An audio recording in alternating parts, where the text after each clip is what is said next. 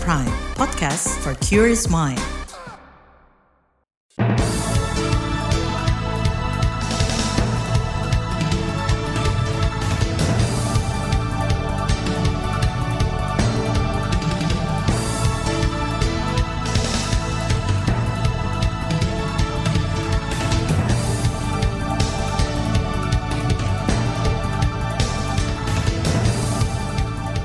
Selamat pagi saudara, berjumpa kembali dalam Buletin Pagi edisi Kamis 2 Februari 2023. Saya Naomi Liandra. Sejumlah informasi pilihan telah kami siapkan di antaranya. Rapor buruk Indeks Persepsi Korupsi jadi sorotan. Presiden Jokowi akan larang ekspor tembaga mentah. Ribuan warga Timika diduga terdampak limbah tambang Freeport. Inilah Buletin Pagi selengkapnya. Terbaru di Buletin Pagi. Anjloknya Indeks Persepsi Korupsi IPK Indonesia 2022 menjadi perhatian banyak kalangan. Indeks yang diluncurkan Transparency International ini menempatkan Indonesia di peringkat 110 dari 180 negara. Indonesia mendapat skor 34 atau turun 4 poin dari tahun sebelumnya. Skor itu merupakan yang terburuk sejak reformasi. Guna memperbaiki rapor buruk tersebut, pemerintah dan Komisi Pemberantasan Korupsi KPK mesti tegas sebab sejumlah indikator memperburuk IPK 2022 terkait korupsi-korupsi di level jabatan tinggi, bahkan di level pembuat kebijakan. Berikut pernyataan peneliti Pusat Kajian Anti Korupsi Universitas Gajah Mada, Pukat UGM, Yuris Reza. Supaya etika pejabat publik itu terjaga, eh, pengambilan keputusan publik tidak banyak dicawe-cawe oleh kepentingan pribadi pejabat publik, tidak banyak pejabat publik yang uh, memiliki konflik kepentingan dengan uh, misalnya urusan bisnis atau kepentingan pribadi lainnya. Nah itu juga harus disasar. Selama ini saya pikir pemerintah dan DPR tidak pernah masuk ke ranah situ. Mereka hanya sekedar masuk ke ranah teknis-teknis seperti digitalisasi dan sebagainya yang kemudian uh, itu melupakan fondasi dasar dari sebuah apa pencegahan korupsi dari sisi etika publik. Peneliti di Pukat UGM, Yuris Reza menambahkan pemberantasan korupsi juga harus dilakukan menyeluruh dan tanpa batas. Pemerintah jangan lagi asal gembar-gembor soal peningkatan pelayanan publik, digitalisasi pengadaan barang, jasa, dan perizinan. Karena faktanya semua masih bisa diakali koruptor. Saudara Transparency International mencatat salah satu indikator indeks persepsi korupsi 2022 yang mengalami penurunan adalah terkait Political Risk Service Indikator itu mencerminkan korupsi di sektor politik dan potensi korupsi antara pejabat publik dengan pelaku usaha. Hal ini diungkapkan manajer Departemen Riset Transparency International Indonesia, Wawan Suyatmiko. Bandingkan dengan misalnya political risk service. Dia di tahun 2021 angkanya 48 dan ketika turun 13 poin itu turut menyumbang penurunan CPI kita dari 38 ke 34 tahun ini. Jadi eh, PR besar untuk pemerintah, untuk lembaga politik, ada DPR, partai politik, masyarakat sipil, jurnalis, pelaku usaha adalah bagaimana sebenarnya menjaga political reservice kita. Itu tadi manajer Departemen Riset LSM Transparency International Indonesia TII Wawan Suyatmiko. Sementara itu, Menteri Koordinator Politik Hukum dan Keamanan Mahfud MD mengaku terpukul dengan terpuruknya Indeks Persepsi Korupsi Indonesia 2022. Meski Mahfud mengklaim hasil itu sudah terprediksi karena banyaknya operasi tangkap tangan KPK sepanjang tahun lalu. Hal itu memicu kemarahan sekaligus persepsi buruk publik. Mahfud berkilah anjloknya IPK hanyalah persepsi, bukan representasi pemberantasan korupsi di tanah air. Saudara, anjloknya Indeks Persepsi Korupsi 2022 menempatkan Indonesia sejajar dengan Bosnia, Herzegovina, Gambia, Malawi, Nepal, dan Sierra Leone. Di lingkup ASEAN, Indonesia kalah jauh dibanding Malaysia, Timor Leste, dan Vietnam. Selain Mahfud MD, anggota Komisi Hukum DPR Beni Kaharman juga mengaku tak kaget dengan memburuknya indeks persepsi korupsi. Politikus Partai Demokrat ini mengatakan indeks itu mencerminkan realita lika-liku korupsi di tanah air.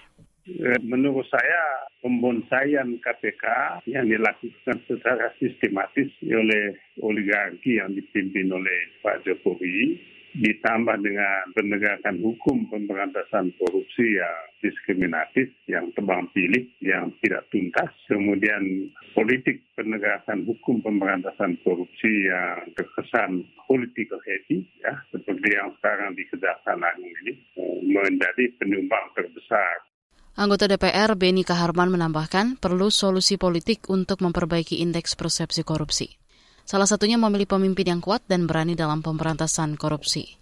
Sementara itu, Komisi Pemberantasan Korupsi KPK menegaskan banyak pekerjaan rumah yang mesti dibenahi untuk memperbaiki indeks persepsi korupsi.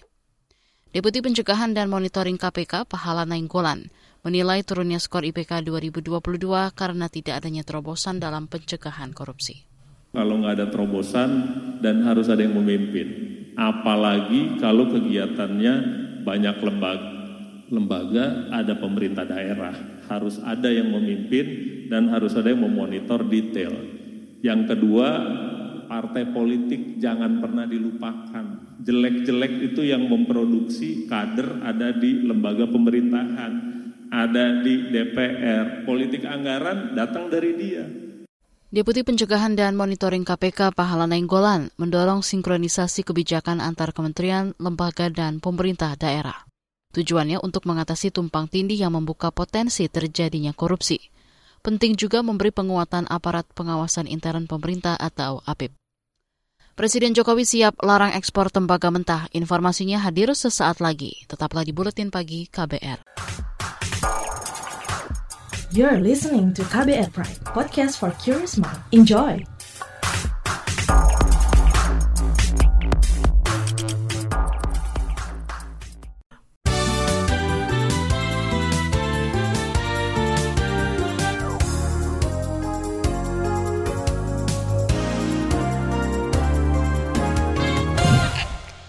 Anda sedang mendengarkan buletin pagi KBR. Presiden Joko Widodo menyatakan akan segera mengumumkan kebijakan larangan ekspor tembaga mentah Juni nanti. Keputusan itu didasari kemajuan pembangunan smelter di Gresik, Jawa Timur dan Nusa Tenggara Barat yang sudah mencapai lebih dari 50 persen.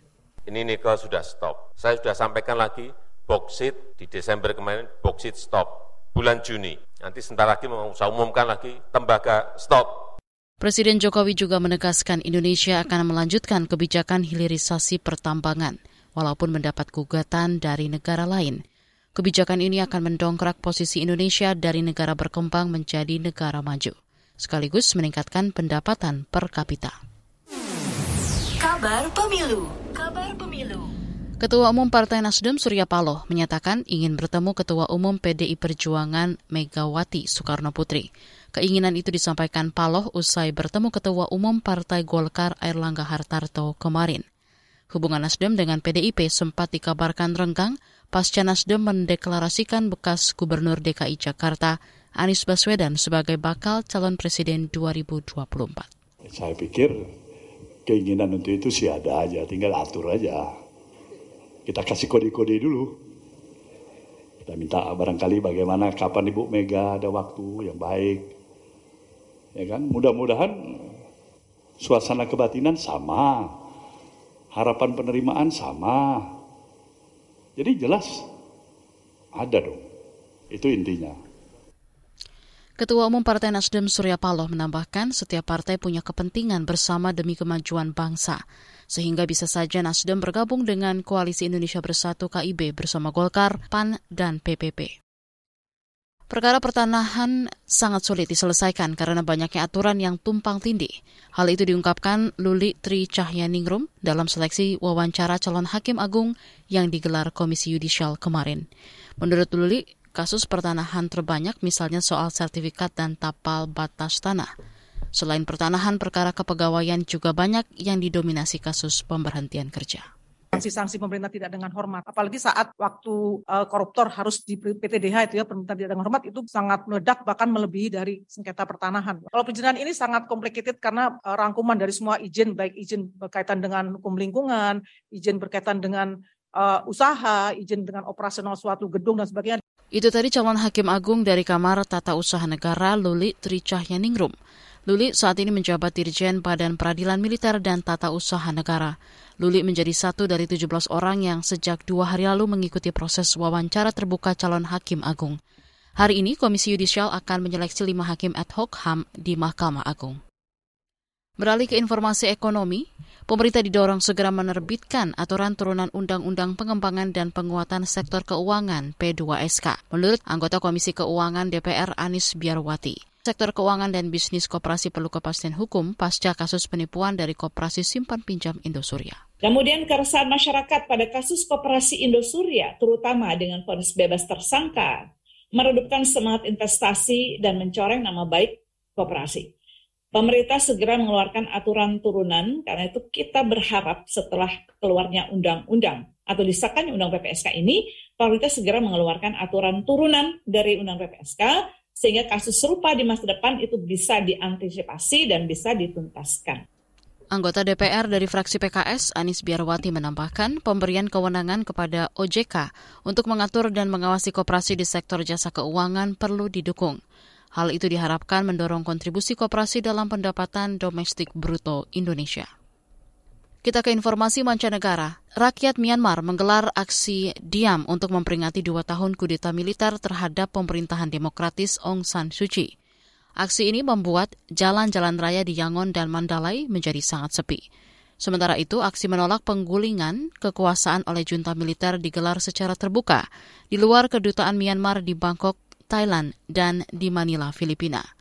Ratusan penentang kudeta meneriakan bahwa revolusi harus menang. PBB mencatat 1,2 juta warga Myanmar telah mengungsi dan 70 ribu lainnya meninggalkan negara mereka sejak kudeta militer 1 Februari 2021. Sementara itu Amerika Serikat, Inggris, Kanada, dan Australia menjatuhkan sanksi baru kepada Myanmar. Junta militer Myanmar berjanji menggelar pemilu Agustus nanti.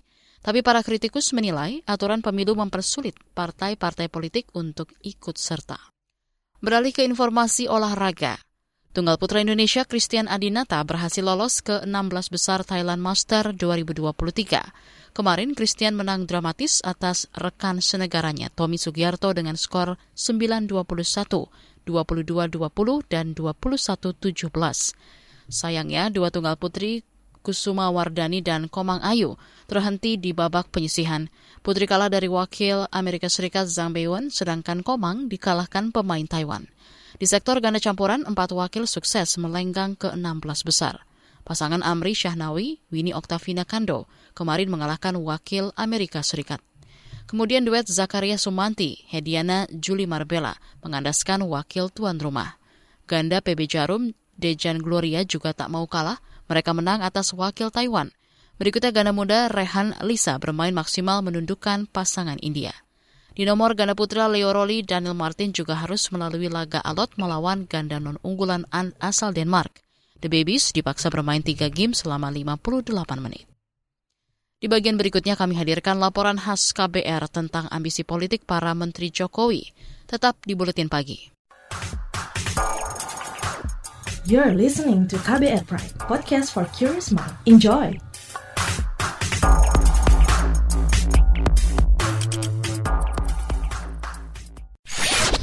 Commercial break. Commercial break. Ada kesedihan, air mata, dan trauma. Namun ada juga gelak tawa, bahagia, dan rasa bangga. Cerita kehidupan manusia adalah perjuangan dan pembelajaran. Pertanyaan di balik itu secara psikologi, apakah dia punya niat membunuh? Kan belum tentu. Saya kaget ketika ada konflik sesama orang Madura sendiri mengatasnamakan aliran keagamaan. Sejak itu, warga Syiah harus mengungsi sampai sekarang. Untuk kehidupan saya pada waktu itu aja nggak menentu kan. Boro-boro mikirin untuk perpustakaan gitu. Saga, cerita tentang nama, peristiwa, dan fakta. Liputan khas KBR ini telah memenangkan berbagai penghargaan nasional dan internasional. Anda sedang mendengarkan program Saga Produksi KBR. Simak di program Buletin Pagi pukul 6 waktu Indonesia Barat, Buletin Sore pukul 16 waktu Indonesia Barat, dan KBR Pagi pukul 7 waktu Indonesia Barat. Dengarkan Saga di radio jaringan KBR di Nusantara atau streaming di kbr.id. Saga juga hadir dalam bentuk podcast di kbrprime.id. KBR, inspiratif, terpercaya.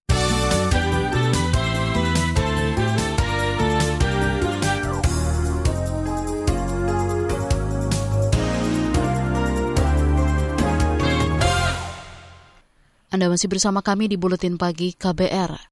Sejumlah Menteri Presiden Joko Widodo menyatakan siap maju dalam pemilihan Presiden 2024. Salah satunya Menteri Badan Usaha Milik Negara BUMN Erick Thohir. Lantas, apa dampak dari ambisi politik para menteri tersebut terhadap kinerjanya sebagai pembantu kepala negara? Selengkapnya simak laporan khas KBR yang disusun reporter KBR Mutia Kusuma Wardani.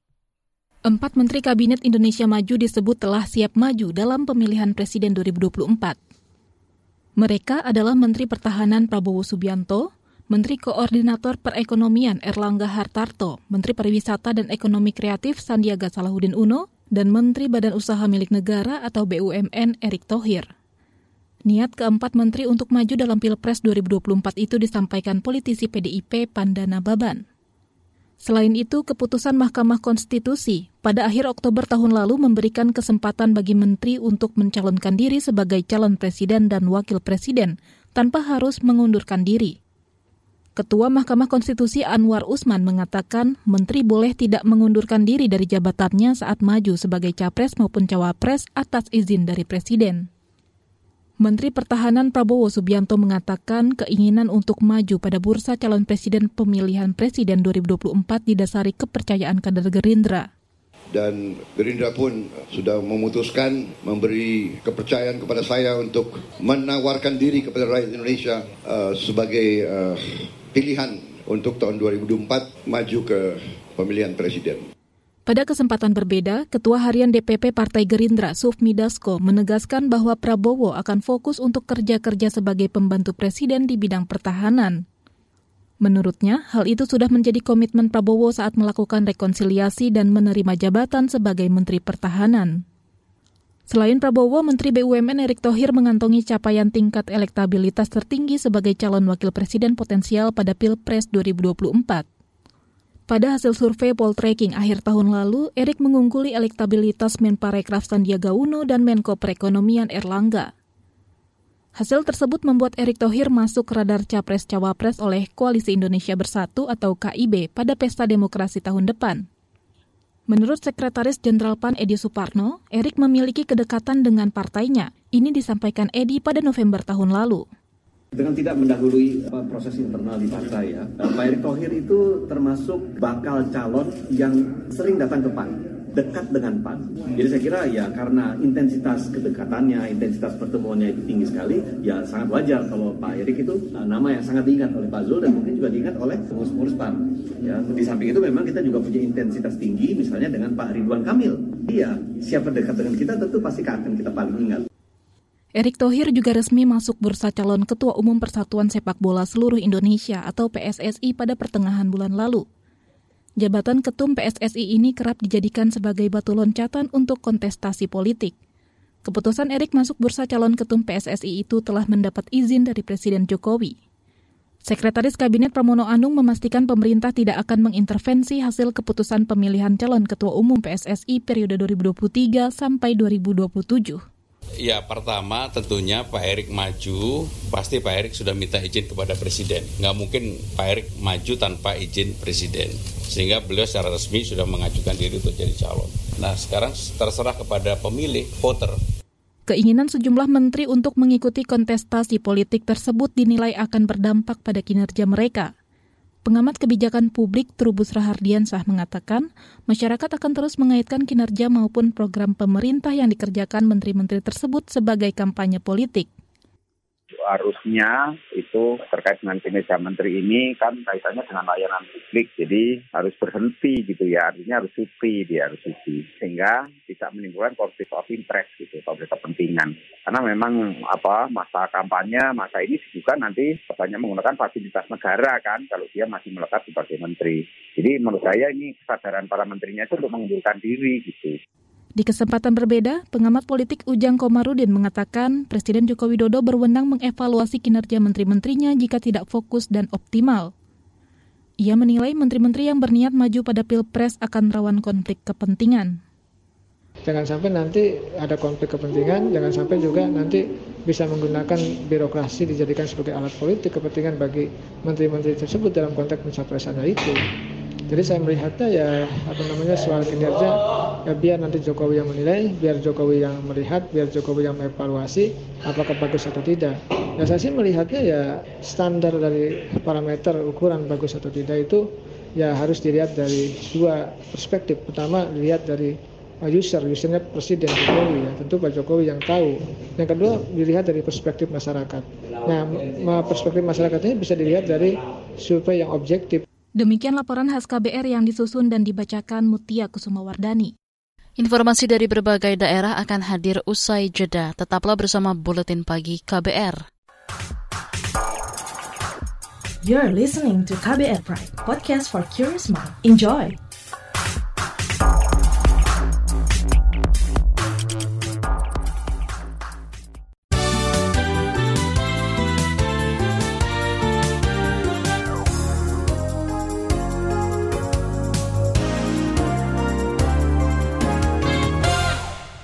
Inilah bagian akhir buletin KBR.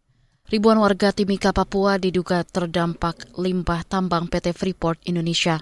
Setiap hari Freeport diduga membuang 300 ribu ton limbah tambang ke sungai. Akibatnya 23 kampung di distrik Agimuga, Jit, dan Manasari kehilangan sumber penghidupan. Warga juga terserang penyakit misterius. Berikut pernyataan Koordinator Komunitas Lembaga Peduli Masyarakat Mimika Timur, Jauh Adolfina eh, lewat pendokumentasian yang kami lakukan terhadap eh, masyarakat adat di eh, wilayah yang menurut Freeport itu tidak masuk di dalam area konsentrasinya dia dan sudah 11 tahun dari 2013 sampai dengan hari ini eh, kami berjuang advokasi artinya bahwa kami menya non litigasi kami menyampaikan eh, persoalan yang seperti ikan mati masal, pohon, sama itu juga ada krisis air bersih. Menanggapi temuan ini, Wakil Ketua Komisi Lingkungan Hidup DPR, Dedi Mulyadi, menuntut segera dilakukan tindakan hukum terhadap Freeport. Kata dia, Freeport juga harus melakukan pemulihan lingkungan yang rusak akibat limbah tambangnya. Kita ke Aceh. Pemulihan aliran listrik di Sabang ditargetkan rampung hari ini. Hari Minggu lalu cuaca ekstrim di wilayah itu mengakibatkan banjir, longsor, dan rusaknya puluhan tiang listrik. Kepala Pelaksana Badan Nasional Penanggulangan Bencana BNPB Sabang, Unaya Syarbini mengatakan, satu jembatan menuju lokasi kilometer 0 Sabang juga masih terputus. Ya, hanya saja jalan menuju ke KM0 ada satu jembatan yang terputus. Jadi pada hari ini tim dari Balai Jalan Banda Aceh, Provinsi Aceh yang merupakan uh, perpanjangan tangan Kementerian uh, Kementerian PU sudah turun ke lapangan hari ini. Sementara akan membuat uh, jembatan jembatan darurat sehingga nanti yang siapa pun yang akan ke menuju ke wisata kilometer 0 akan bisa terlewati. Kepala Pelaksana BNPB Sabang Unaya Syarbini menambahkan bantuan tanggap darurat untuk korban banjir dan longsor sudah disalurkan ke 200-an keluarga dari tujuh kelurahan. Penggunaan dana bantuan tidak terduga juga masih diupayakan otoritas setempat. Bergeser ke Yogyakarta, pemerintah Provinsi Daerah Istimewa Yogyakarta kembali menggalakkan program Satu Sekolah Dua Polisi. Kepala Dinas Pendidikan DIY Didi Wardaya menjelaskan upaya itu dilakukan seiring maraknya kasus penculikan anak. Tapi yang paling penting adalah bagaimana kemudian eh, komunikasi antara sekolah dengan orang tua itu juga juga harus ditingkatkan. Kepala Dinas Pendidikan Daerah Istimewa Yogyakarta Didi Warda yang menambahkan, program itu sebetulnya sudah berjalan tetapi kini akan dimasifkan. Sebelumnya terjadi dua aksi dugaan percobaan penculikan anak, yaitu di Sleman dan Yogyakarta. Dinas Pendidikan Kabupaten Sleman membenarkan adanya kasus tersebut. Informasi tadi menutup jumpa kita di Buletin Pagi hari ini. Pantau juga informasi terbaru melalui kabar baru. Situs kbr.id, Twitter at berita KBR, podcast, alamatnya di kbrprime.id. Saya Naomi bersama tim yang bertugas undur diri. Salam.